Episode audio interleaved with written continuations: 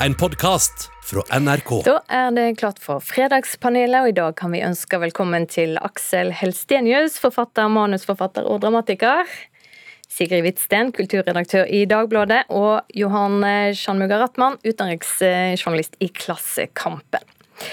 Vi satt her ute i verdensrommet for en av de mest kjente kvinnelige skuespillerne i Russland, og en regissør er på plass på den internasjonale romstasjonen, der de skal spille en film. Det handler om en kosmonaut som får hjertetrøbbel. Kirurgen Zenja blir på rekordtid trent til å reise ut i rommet. Der skal hun gjennomføre en komplisert hjerteoperasjon på den syke kosmonauten. Og forhåpentligvis redde livet hans.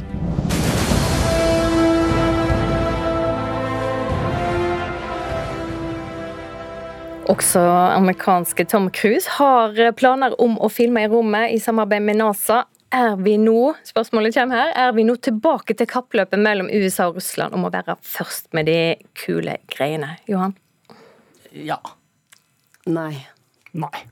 Ok, Johan? Jeg, kanskje det er en ønsketenkning. Jeg bare, Vi som liksom levde på slutten av kalde krigen, jeg savner litt sånn det er kanskje litt sånn kaldkrigsnostalgi, men på, altså ikke det med atombomber og sånn, men på den kulturelle fronten. da. Jeg bare tenkte på filmen som Armageddon, amerikanske Hollywood-filmen, hvor liksom det er en russer med i den filmen, og han er veldig sånn ja, sånn fjollete, rar karakter. Jeg tenker Hvis jeg var russer og sett, så den filmen og ser han, så tenkte jeg liksom ja, kanskje det er litt sånn flaut for, og kjipt for dem. Så jeg håper at de får sin egen Eh, romsuksess? Altså Det kommer litt an på hva du syns er kult. da. Syns du det er kult eh, å bruke millioner av kroner på å sende noen opp i, til, i rommet helt uten uh, grunn? Og at Tom Cruise også har tenkt seg opp dit, er på en måte føler det er slags uh, det selve symbolet på stormannsgalskap vi ser her. og du kan jo si at Eh, det er jo ikke heller riktig. da, USA og Russland har jo samarbeidet eh, om eh, romforskning og romreiser nå i mange år. Men, og har et godt samarbeid, men du kan også si at kanskje, kanskje, kanskje dette her er et svar på at Jeff Bezos dro opp i space. Kanskje Russland tenkte at ok, han dro opp, verdens rikeste mann, nå sender vi inn vår største stjerne. Så du kan si at ja, kanskje det er litt kappløp, men nei. Dette er jo en, for meg en ren hype, og det er helt det motsatte av det man burde gjøre. Jeg mener jo at eh, all filminnspilling nå bør gjøres per sykkel, egentlig.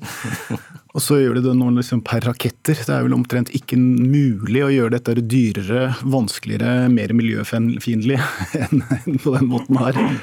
Så, men altså at det er mulig Jeg tenker jo så, Du sender opp, du har et crew på én person. som eh, da, Det er et veldig lite filmcrew eh, når man skal lage film.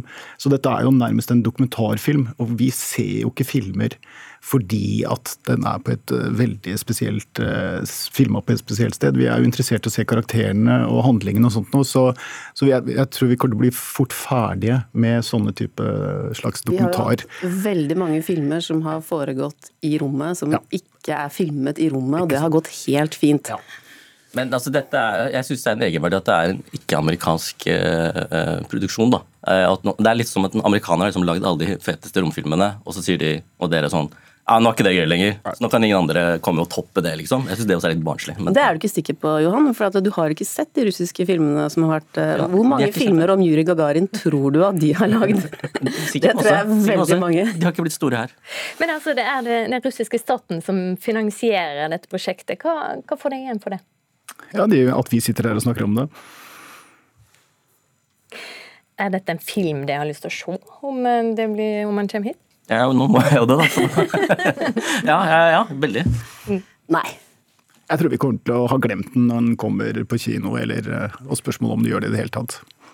Vi går videre til neste tema. I går ble det klart at årets nobelpris i litteratur går til Abdul Razak Gurna. Han er fra Tanzania, kom til Storbritannia som flyktning på slutten av 1960-tallet. Han, han, får prisen for måten han skriver om kolonialisme og flyktninger sin skjebne kunne spurt om de har lest noe av Gurna. Spør istedenfor Kommer det til å lese noe av Gunnar når han nå får eh, prisen? Ja, men nei. Ja. Ja, med utropstegn. Da starter vi der. Nei, jeg syns jo det er kjempespennende, det, det, lille jeg har lest om den. Det virker som i hvert fall sånn tematikken han skriver om, og jeg er kjempeinteressert i. Så den der Paradise har jeg superlyst til, til å lese. Syns det er jo kjempefint uh, at, uh, at, han får uh, nobelprisen. At noen leser masse bøker for meg og kan gi meg en anbefaling. Dette er jo liksom anbefaling på, på øverste hylle. Syns jo også det er litt rart, kanskje. Jeg leste Jan, Jan Kjærstad var vel ute i Klassekampen her for et par dager siden og snakket om at nobelprisen ligner jo på et EM i litteratur. Og jeg får en litt sånn Emmen-smak om at det er litt EM her også. Det er en afrikaner ja, fra Tanzania, men vokst opp i England i alle år. Men tematikken hans og at han vinner den, Paradise, ja, jeg skal lese den. Altså, ja, men nei. fordi at Hvis jeg har lyst til å lese han på norsk, så er det faktisk ganske umulig å få lest han i løpet av de neste ukene. Jeg gikk inn på Deichman i går for å se hva jeg kunne låne, og det var 90 90 på venteliste på de mest eh, kjente bøkene.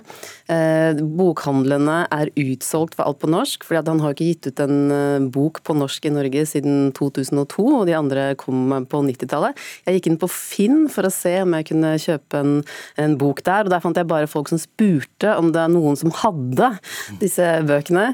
Så jeg tenker at hvis jeg skal lese han nå, så må det jo da bli på engelsk, altså det går jo fint, men, men jeg tror mange vil få problemer, iallfall de neste dagene og ukene med å finne noe av ham på norsk?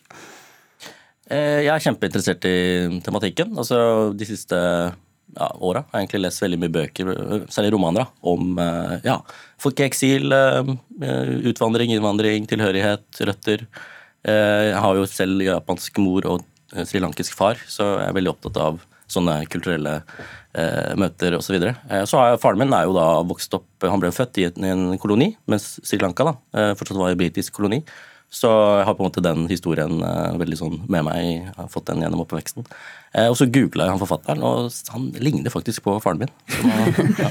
altså, det, som så, ja, det, som er så, fascinerende i denne runden her, er at de har gitt prisen til en forfatter eh, som på en måte hadde sin storhetstid for flere år siden, og som, veldig, som ikke er en allment kjent. da.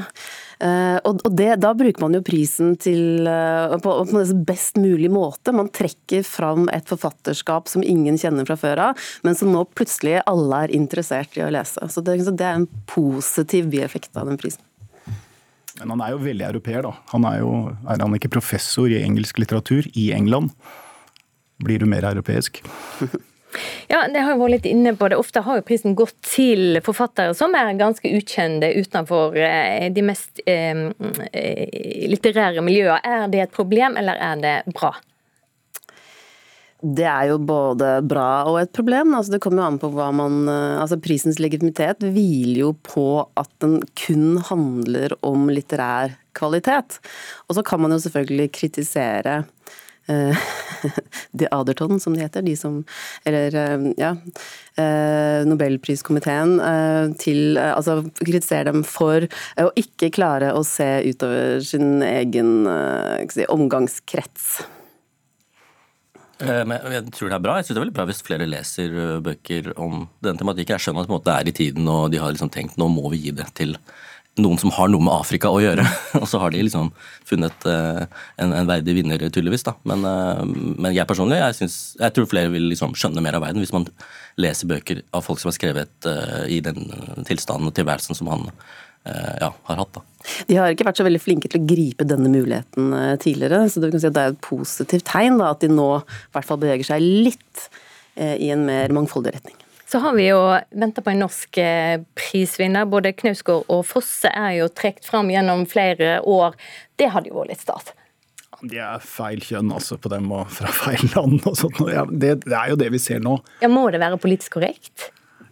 Jeg får jo en veldig følelse av det. Altså, Jeg tror han er en, absolutt en verdig vinner. Men det er veldig mange verdige vinnere. Altså, jeg tror Nobelprisen i litteratur har vist gang på gang på gang at de gir beng i alt som er politisk korrekt. Eh, så det tror jeg ikke er et problem. Men man, men det tar jo gjerne litt tid. Det er mange på den lista.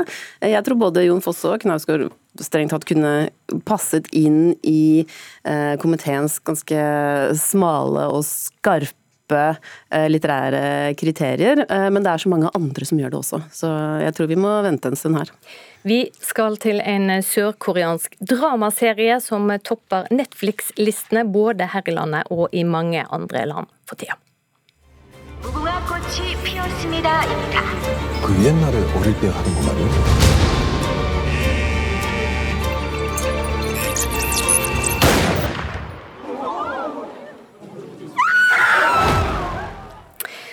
Squid Game handler om eh, flere hundre mennesker med økonomiske problem som alle har takka ja til en mystisk invitasjon. Det viser seg at de skal eh, konkurrere mot hverandre i ulike barneleker. Premien er en gigantisk pengesum. De som taper, blir drept. Og det er både blodig og brutalt. Spørsmålet er Sosiale medium som eh, Twitter og TikTok er fulle av kommentarer og referanser til serien. Er Squid Game allerede blitt en klassiker som folk bør få med seg? Ja. Ja. Eh, Klassiker, nei.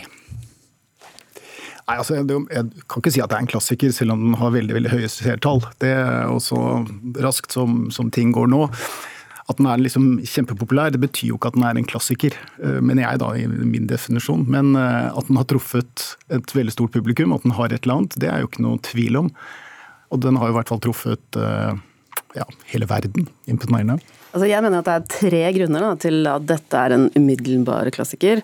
Og Det første er jo at det er en genial idé. altså du, Publikum catcher konseptet umiddelbart, og historien er fortalt med ekstremt visuelle virkemidler.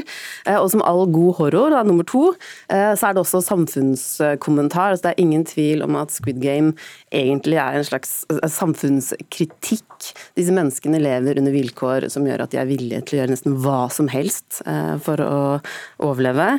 Eh, Og for det tredje så er jo kan si, dette er øyeblikket der sørkoreansk TV virkelig slår bredt igjennom i verden.